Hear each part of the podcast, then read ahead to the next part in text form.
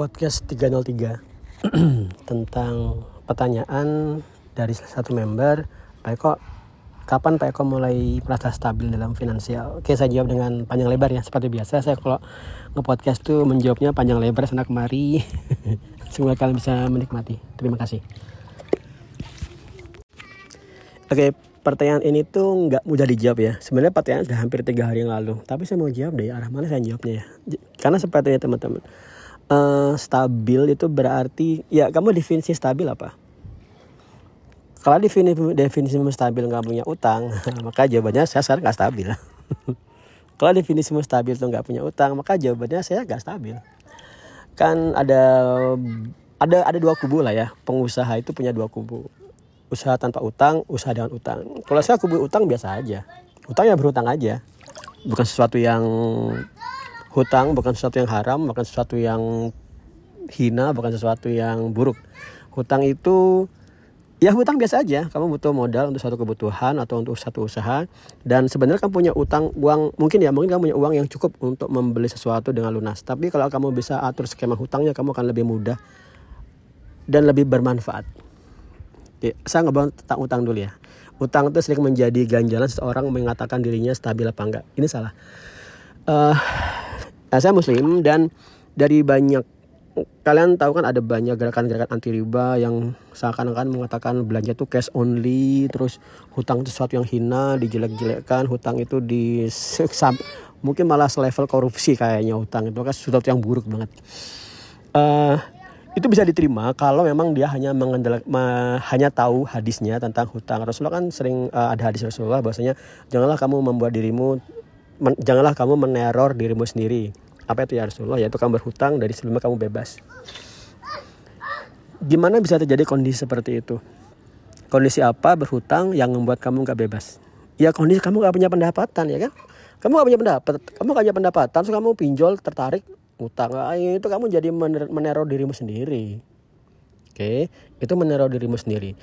Tapi kalau hutangnya dibangun di atas suatu sistem bisnis yang sudah kamu bangun atau dalam pekerjaanmu, contoh kamu PNS, gajimu, eh, nggak tahu gaji PNS berapa, anggap aja 10 juta ya, anggap 10 juta. Kamu mau, mau beli mobil 100 juta, gimana caranya? Nggak makan selama 10 bulan nabung 10 juta ya kan nggak mungkin kan? Ya kamu masuk, ya, kamu pinjam aja uh, bantuan dari pihak ketiga yaitu bank. Kalau kamu nggak kamu khawatir masalah riba ya bank syariah udah bank syariah yang gak usah dipikir lagi riba. Udah jalanin aja. Bank syariah tuh berusaha habis-habisan supaya nggak pakai riba. Udah udah. Nyicil aja langsung. Kumpulin DP I don't know 30 juta mungkin ya. Sisanya kamu lanjutkan dengan mencicil. Bisa kan? Bisa banget. Boleh nggak? Boleh banget. Kenapa boleh ada hadis lagi dari Rasulullah di DSN MUI selalu dipakai hadis itu? Tiga hal yang mengandung keberkahan. Satu membeli tidak deng membeli dengan mencicil atau membeli tidak dengan lunas lupa kalimat terjemahannya. Kamu baca cek aja. Googlingnya sekarang di SN MUI mu murabahah. Dan banyak lagi DSN menggunakan di situ. Kedua kedua itu musyarakah. Kerjasama bagi hasil. Uh, dan ketiga adalah menyampurkan jabawu dengan gandum supaya dipakai sendiri bukan untuk dijual. Hadis ini harus kamu pahami dan harus kamu seimbangkan pemahamannya dengan hadis sebelumnya tentang hutang itu kehinaan membuat nggak tenang di malam hari.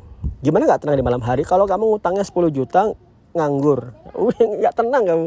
Tapi kalau kamu pendapatanmu 50 juta, ngutang 10 juta per bulan ya gampang banget lah masih banyak. Oke paham? Jadi terima dulu yang as, uh, pendapat saya bahwa hutang itu bukan syarat tidak stabil ekonomi. Satu ya, oke. Nah kalau kamu sudah menerima syarat ini berarti sekarang saya sudah stabil. Kenapa? Karena pendapatan saya sudah lebih dari hutang saya. Hutang bulanan, kewajiban bulanan. Satu. Oke, yang kedua. Sebenarnya saya nggak pernah ngerasa sesak dengan ekonomi dari kapan pun ya. Dari saya bujangan, dari saya kuliah, masih mau masih bujangan pingin nikah, sudah nikah, saya belum pernah merasa uh, kebingungan atau tidak pernah merasa finansial nggak stabil meskipun saya berhutang.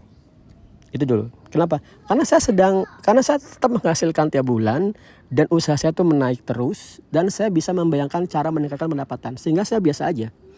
Nah tapi ya saat itu memang awal-awal tentu saya belum punya bahkan mah belum punya motor ya hanya punya sepeda. Terus bertahap apa bertahap, bertahap punya motor nyicil ya setahun lunas kemudian bertahap kontrak ke kontrakan yang lebih besar. Dulu kontrakan setahun cuma sejuta kemudian kontrak setahun 4 juta. Nah kemudian saat itu apa yang selanjutnya? Pasti kamu udah bisa nebak saya nyicil mobil. Nyicil kalau nggak salah nyicilnya itu dua tahun mobil second aja. mobil second 30 juta apa ya? Apa 50 juta? 30 juta. 30 juta saya cicil. Saat itu ya rasanya saat itu tahun 2000 10 atau 2011 saya nyicil 30 juta. Itu rasanya angka itu berat sekali. Angka 30 juta itu berat banget. Besar banget dan saya nggak bisa membayangkan membeli cash dengan kecuali dengan mencicil. Kalau sekarang sekarang saya mau beli 30 juta sehari juga bisa. Alhamdulillah. Oke. Saat itu saya mencicil apakah saya merasa stabil? Ya saya stabil-stabil aja. Kenapa? Karena pendapatan tiap bulan ada. Dan lebih mencicil mobil lebih sisanya masih ada. Saya kembangkan terus. Oke. okay. Tapi saat itu saya belum punya uh, belum punya rumah ya belum belum punya tanah. Kenapa ya? Masih kontra meskipun istri khawatir bi gimana kita belum punya rumah? Mau ke perumahan nggak? Saya nggak mau. Saya tuh prinsip saya kalau mau rumah saya nggak mau perumahan. Kenapa? Karena kayak masuk sekolah. Ada ada satpam. Semuanya ruangan kelasnya sama ya kan? Saya nggak mau. Tuh saya lebih baik ya pelan aja cari tanah dulu habis itu kapan-kapan dibangun. Tapi sebenarnya kalau kamu tentang rumah mungkin kamu lebih baik ikut KPR aja.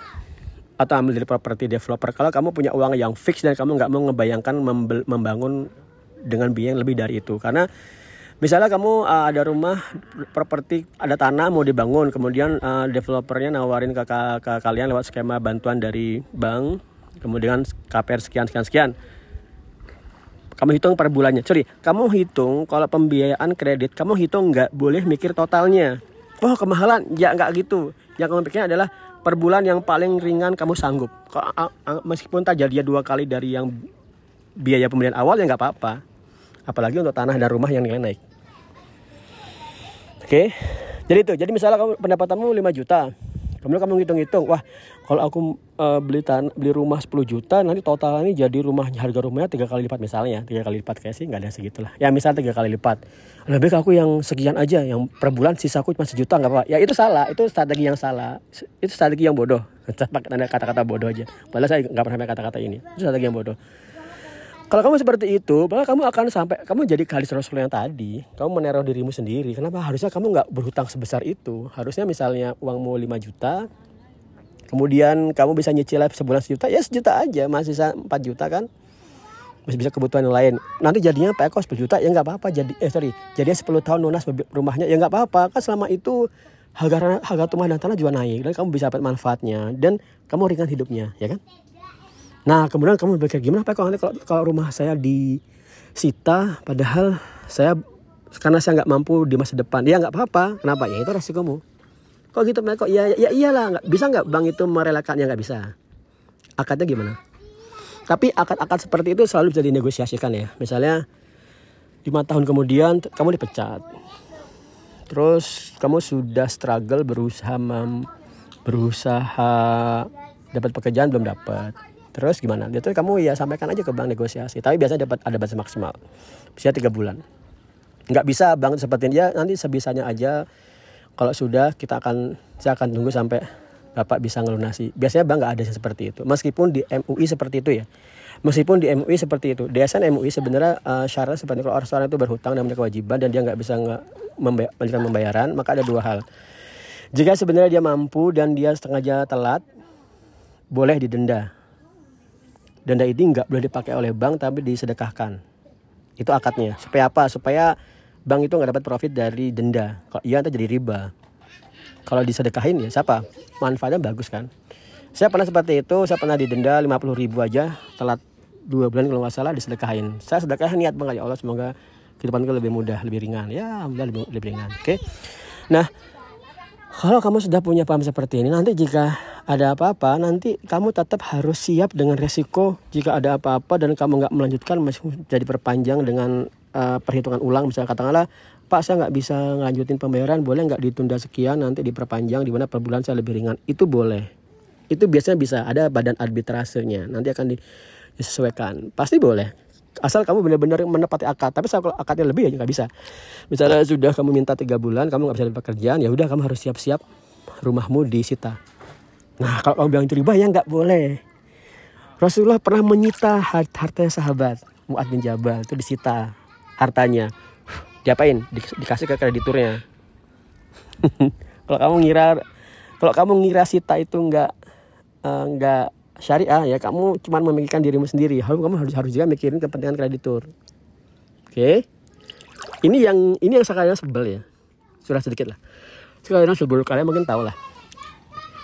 Ada gerakan anti riba nggak bayar beli bayar cash nggak boleh eh, bayar cash mengata-ngatai hutang kemudian eh mengatakan denda itu nggak ada kemudian sita itu nggak ada ya hadis yang dibaca yang mana aja sih? Itu loh itu loh maksud saya. Jadi terima dulu ya. Jadi kamu terima kamu harus terima risiko kalau nanti eh, apa namanya kalau nanti ada apa-apa dan barang yang kamu beli itu menjadi jaminan untuk dilunasi. Kalau gitu gimana? Ya kalau gitu kamu berarti gini. Eh ya itu resiko. Resiko itu sesuatu yang sesuatu yang harus diperhitungkan. Dan kalau kamu sudah memantapkan satu kamu kan ingin pendapatanmu naik ya kan kamu ingin pendapatanmu naik sehingga kamu nggak punya risiko gagal bayar. Oke? Kemudian juga kamu nggak mau punya resiko apa ya kamu nggak punya resiko denda dan sebagainya. Cara gimana? Cara sedekah. Cara sedekah. Jadi setelah kamu punya pendapatan X kemudian kamu pengen punya aset yang berben- yang penting dan bermanfaat yang nilainya 1000 X dan itu nggak bisa kamu dapatkan dengan bayar lunas gunakan sistem pembayaran murabah bil taksit membeli dibelikan orang-orang oleh bank kemudian dilunasi. Eh di- kemudian kamu membayar kamu melunasi dengan mencicil. Itu boleh. Nah sambil jalan kamu harus tahu kaya menambah kaya itu utamanya memang dengan kerja. Bukan utamanya Ja- jalannya adalah dengan kerja. Itu wajib. Kamu nggak boleh cuma pengen kaya tapi minta minta kucuran dana. Nggak boleh. Kamu harus dengan kerja. Kalau sudah dengan kerja ini gimana cara ningkatin sistem kerjamu? Pertama tingkatin upgrade skill ya supaya kamu harus benar-benar uh, 100% sempurna usahanya kemudian sedekah. Sedekah itu luar biasa. Ayat tentang sedekah di Quran itu keren. Sedekah itu diulang-ulang dari ayat 200 eh sedekah itu lengkap dari Al-Baqarah 271 sampai tam- sampai selesai. Sedekah itu boleh terang-terangan boleh tersembunyi. Sedekah itu adalah uh, untuk ABC sedekah itu yamharkullahu riba wa yurbi sedekah. Allah mengalahkan riba dan memenangkan sedekah. Jadi kalau riba itu kan konsepnya adalah melipat gandakan uang dengan meminjamkannya ke orang lain dan memberikan denda yang besar, eh, memberikan bunga yang besar untuk nilai peminjamannya, yang kemudian juga memberikan denda untuk keterlambatannya, di mana denda ini akan menambah ke pokok sehingga pok denda pada bulan ke depan akan berlipat daripada karena perhitungannya denda plus bunga. Itu riba yang di awal Rasulullah di zaman di zaman Rasulullah semening, semeninggal ayat itu turun. Jadi riba seperti itu, jangan riba dicampur adukan dengan murabah bil taksid. Jangan riba dicampur adukan dengan eh, apa ya? Eh, musyarakah dan lain sebagainya. Jangan dicampur adukan. Kamu nggak boleh mem- membuat definisi yang membuat dirimu sendiri ke- kerepotan. Gope didefinisikan riba. Waduh. Emangnya yang buat sistem pakai sistem mbahmu apa? Oke itu ya saya itu deh sambil sambil kita kalau ngobrolin seperti ini saya semangat banget ya karena ini hal-hal yang eh, potensial membuat umat mudah hidupnya dan saya ingin berusaha seperti itu. Nah, Oke, kemudian setelah kamu sudah punya kesiapan eh, untuk pendapatanmu, kamu mau sedekahin, nah udah jalan aja. Insya Allah mudah. Saya pun sampai sekarang eh, sampai sekarang ya jumlah utang saya yang sudah saya lunasi itu pembelian pembelian yang mencicil saya tuh Aduh, awal-awal dulu kuliah awal kerja kuliah eh, fiction udah lunas terus mobil van tren udah lunas kemudian go plus panca udah lunas. Kemudian saya mau beli mobil baru mobil saya ada ketimbang dijual nggak banyak juga.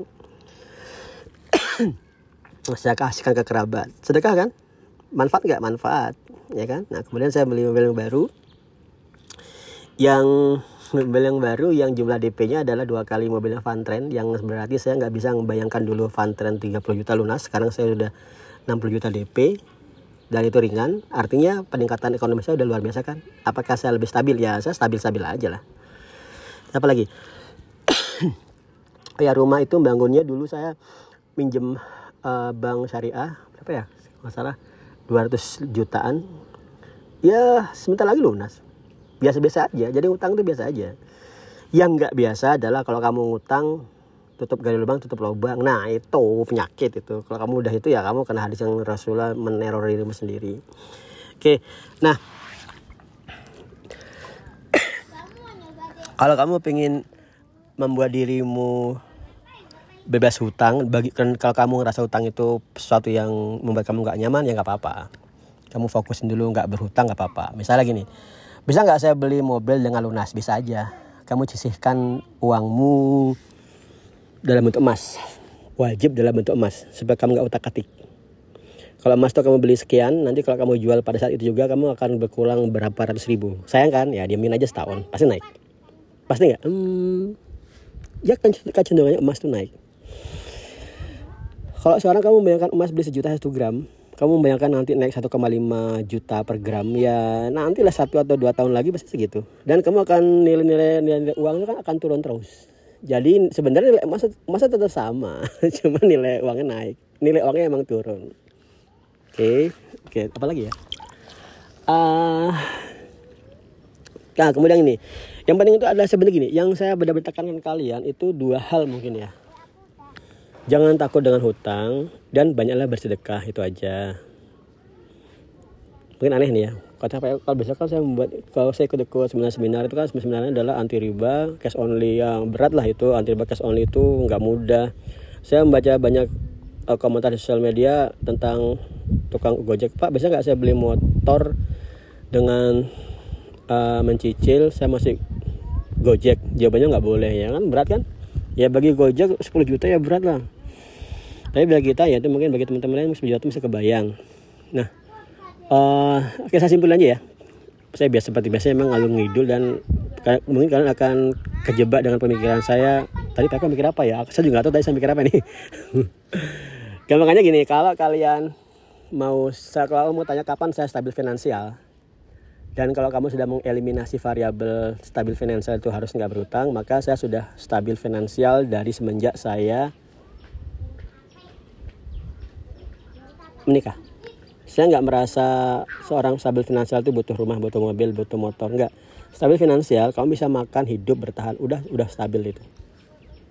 Aneh kan? Nah, saya nggak mengatakan stabil finansial harus punya rumah, harus punya mobil. Enggak, itu ya itu bukan kewajiban dunia itu nggak ada sesuatu yang benar-benar wajib itu nggak ada asal kamu sudah bahagia udah cukup bisa nggak saya stabil pak Eko dengan pendapatan saya satu juta ya bisa aja uang saya juga uh, saat awal-awal nikah satu setengah juta ya kan stabil-stabil aja. Tapi tentunya ya kalau kamu satu setengah juta dan kamu sudah punya anak dan masuk sekolah ya mulai kerasa itu jangan satu setengah juta minimal 5 juta itu baru baru nyaman.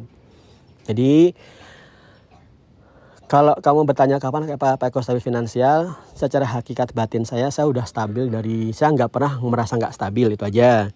Tapi kalau secara hitung-hitungan hitung-hitungan uang ya, hitung-hitungan uang nih ya, saya stabil pada saya stabil finansial itu begitu saya sudah punya kerjaan full time remote di eh sorry saya sudah kerja full di Upwork dari tahun 2014 jadi saya nikah 2006 oke okay, 7 8 9 10 eh 7, 8, 9, 10, 11, 12, 13, 14. Ya, berarti saya sekitar 14 tahun eh 14 tahun. 7 tahun kemudian ya. 7 tahun kemudian dari nikah baru saya sudah merasa stabil secara hitung-hitungan nominal ya. Karena saya sudah kerja 2014 saya sudah kerja bergaji 40-an juta, 30 40 juta di Upwork dan di perusahaan-perusahaan lain. Itu stabil. Yang yang nyamannya itu adalah uh, ada banyak dana yang didapatkan untuk sebulan untuk banyak kebutuhan. Itu nyaman tapi misalnya danamu masih kurang-kurang ya itu nggak nyaman uh, oke okay, itu aja lagi nah kalau sekarang gimana kalau sekarang RWAD itu bukan stabil saya aja ya RWAD itu bukan kalau RWAD sekarang itu sudah buka sudah perusahaan ya. Sudah mulai saya mau bilang lepas landas ya ya sih sudah mulai lepas landas. RWAD itu sudah mulai lepas landas. Kalau kamu ngeliat pesawat ya kan take off tuh kan ya. Jadi RWAD itu sudah mul sudah ngangkat hidungnya dan sudah mulai terbang. Tapi belum jauh dari daratan. Bannya depan belakang sudah diangkat sudah menukik ke atas dan tinggi kok kok mendekat mendekat ke bawah ya? Sudah mengangkat dagunya ke atas dan tinggal ngegas. Itu RWD sekarang. Jadi kalau sekarang RWD RWD stabil ya. Untuk RWD sendiri sekarang udah stabil. Uh, contoh ya kadang-kadang saya dulu tuh kalau untuk RWID awal-awal tahun setahun yang lalu ya kayaknya ya. Itu pendapatannya masih sepersepuluh dari yang sekarang. Nah itu kadang-kadang kelabakan juga tuh gaji, kadang gaji gaji-gaji aja masih nunggu nunda-nunda sehari dua hari kan. Kalau sekarang ya cukup lah, udah banyak banget, udah cukup, udah bisa dipakai untuk. Sekarang ya itu udah bisa melakukan kontribusi yang banyak. Uh, satu lagi nih, kalau kamu pengen merasakan dirimu kaya, itu paling gampang sedekah. Merasa kaya tuh gak paling gampang sedekah. Merasakan kekayaan batin yang luar biasa itu sedekah. Bukan dengan nabung ya. Nabung tuh kamu akan merasa kurang terus. Misalnya nih kamu haji, haji yang apa yang plus ya kan berapa? 300 juta. Coba kamu nabung. Lama. Dari kamu merasa miskin terus. Oh nabung cuma cuma lima cuma dalam petik. Cuma 50 juta masih butuh 250 juta lagi. Ya kamu merasa miskin kan? Tapi coba aja kamu sedekah. Sedekah 50 ribu ke siapa aja itu sudah membuat orang seneng. Kamu akan rasa kaya bang. Ya Allah ternyata uangku yang 50 juta atau 100 ribu aku kasih ke orang lain tuh bisa membuat orang lain seneng banget ya ya kan? Itu yang disebut dengan kaya. Bukan kaya itu bukan ngumpulin uh, apa ya? Kayak tuh bukan ngumpulin emas ngumpulin bitcoin NFT tanah. Enggak loh ya itu nggak kaya. Itu kamu masih itu tanggungan. Kamu harus bayar uh, pajak perawatan uh, resiko hilang. Itu kalau kamu sedekah udah pasti balik gitu. Saya saya tuh benar-benar akan ngepost sedekah ya ke banyak kalimat-kalimat saya. Uh, nyambung sedikit lah. Jadi mungkin teman-teman tahu bahwasanya saya awal-awal tuh nggak terlalu suka dengan kata-kata sedekah jadi kaya. Atau kalau kamu ingin kaya sedekahlah. Atau seakan-akan kamu bertransaksi dengan yang maha kuasa ngeluarin 500 ribu harapannya kembali berapa puluh juta misalnya gitu. Saya, saya awalnya gak suka. Tapi begitu saya ikut kuliah magister ekonomi kemudian saya pelajarin ya ternyata memang uh, sifat manusia itu dua hal aja. Tamak dan uh, pelit tamak dan pelit. Sifat sifatmu sifat saya tamak dan pelit. Kalau kamu nggak percaya coba aja. Kamu punya misalnya nih kamu punya baju berapa? 10 misalnya.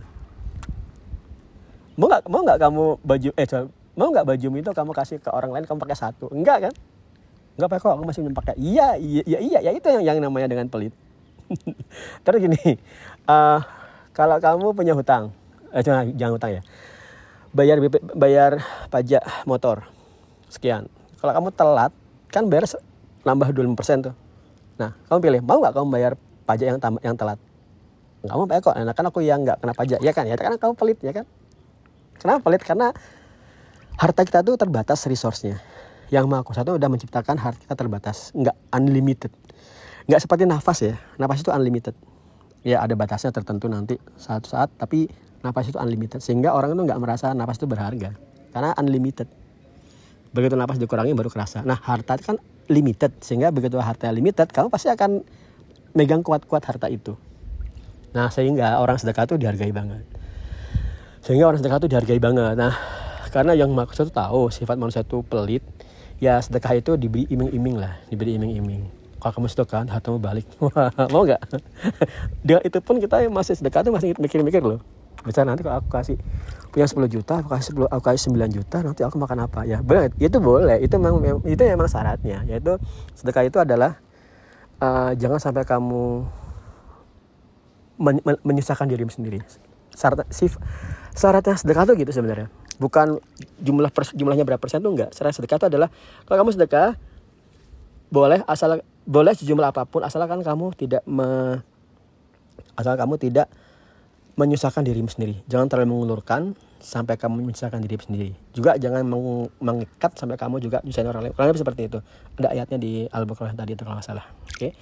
Nah, kalau kamu udah seperti ini, padahal sedekah ya, misalnya kamu punya 9 juta, kamu sedekahin sejuta. Itu nggak kerasa. ya kan nggak kerasa sejuta dari 9 dari 10 juta 10 persen dari se, 10 juta tuh nggak kerasa cuma sejuta padahal sejuta ini ya. Kalau kamu kasih ke tukang gojek yang nggak punya pendapatan waduh kebayang nggak manfaatnya untuk mereka ya kan? Nah kemudian sifat sedekah itu pasti akan berbalik. Berbaliknya itu dengan banyak cara. Disimpan di akhirat kamu tambah sehat usia bahagia dan lain sebagainya lah. Tapi dari segi uang pun juga di, juga disampaikan seperti itu. Kalau kamu sedekah itu akan kembali. Kenapa seperti itu? Kan karena kembali lagi di ekonomi konvensional itu masalah interest bunga pinjaman wah itu penting banget untuk mengatur strategi keuangan di suatu negara. Contoh nih misalnya uh, misalnya sekarang harga-harga naik. Harga-harga naik. Apa akibatnya? Kalau harga-harga naik itu namanya inflasi ya kan? Kalau harga-harga naik itu itu itu dan yang nggak terkendali itu repot negara harus membuat bagaimana caranya agar uang itu ditahan sehingga yang beredar sedikit kalau yang beredar sedikit nanti nilai uh, uangnya akan naik cara gimana cara dengan mengiming-imingi bunga deposito naik dulu bunga bunga deposito saya nggak tahu berapa bunga deposito ya mungkin dulu bunga deposito 4%. Nanti selama krisis bunga deposito jadi 6%. Tapi ini repot. Memasukkan dengan seperti ini, orang tuh kan lebih kecenderungannya kan nyimpen. Itu kecenderungan hitung-hitungan ya. Kecenderungan nyimpen, orang nyimpen karena nanti aku masukin uang aja bunganya naik ya kan. Tapi ini tantangan bagi bank. Bank harus menyalurkan dana dengan bunga kredit yang lebih tinggi dari yang 5%, 5% tadi. Misalnya bunganya harus 7% atau 10%. Nah, pertanyaan adalah siapa yang berani minjem di kondisi itu? Berani minjem uang, nanti bunganya 10%, jadi dia minjem 10 juta harus kembali 10 juta atau 1 juta kembali 10 juta. Padahal usahanya lagi saya itu lagi krisis ekonomi. Gimana caranya? Tantangan kan? Nah, makanya itu bunga itu itu cara menpen, cara me, cara ekonomi konvensional mempermainkan ekonomi seperti itu. Cara menaikkan nilai uang, menurunkan nilai uang dan sebagainya. Nah, maka saya tahu oh jadi memang manusia itu intinya pelit dan bakhil bakhil itu enggak eh tamak dan bakhil bakhil pelit mirip lah ya tamak itu pengen hatinya berlipat dengan nyimpan di deposito naik tadi. Nah ya sudah kalau itu nggak apalah memang kalau emang sedekah itu dimotivasi agar orang hartanya naik ya nggak apalah emang sifatnya manusia seperti itu ya sudah. Jadi kalau sekarang kamu mau sedekah sifatnya tujuanmu untuk melipat gandakan uangmu supaya bisa bayar angsuran ya nggak apa-apa. Fine aja. Nah uh, itu pendapat saya tentang bagaimana caraku menstabilkan keuanganmu. Jadi kalau saya buat poin-poinnya ya, poin-poinnya nih. Uh, cara kamu menstabilkan ekonomi pertama, tingkatin skillmu pasti. Kemudian kerja, oke. Okay? Jika sudah kerja dari penghasilan, silahkan berhutang untuk sesuatu barang yang berguna untuk kerjaanmu atau kenyamanan hidupmu. Misalnya kamu bekerja untuk uh, kamu bekerja sebagai programmer, saat itu laptopmu masih i3, kamu klienmu butuh MacBook, ya udah kamu beli MacBook yang mahal mencicil nggak apa-apa. Oke. Kemudian setelah itu yang keempat banyakin sedekah. Dah cukup. Tingkatin terus kalau kamu butuh beli KPR, beli KPR aja nggak apa-apa. Saya kalau disuruh ngulang lanjutin lagi saya jadi kesal lagi ya. Kesal lagi tentang orang-orang yang mengatakan uh, nyicil itu riba, terus KPR itu riba segala macam saya kalau oh, dengan seperti itu saya bilang ya udah kamu aja kamu aja beliin kasihin orang lain simple gak usah repot ngata-ngatain riba. Kayak gitu aja ya. Assalamualaikum warahmatullahi wabarakatuh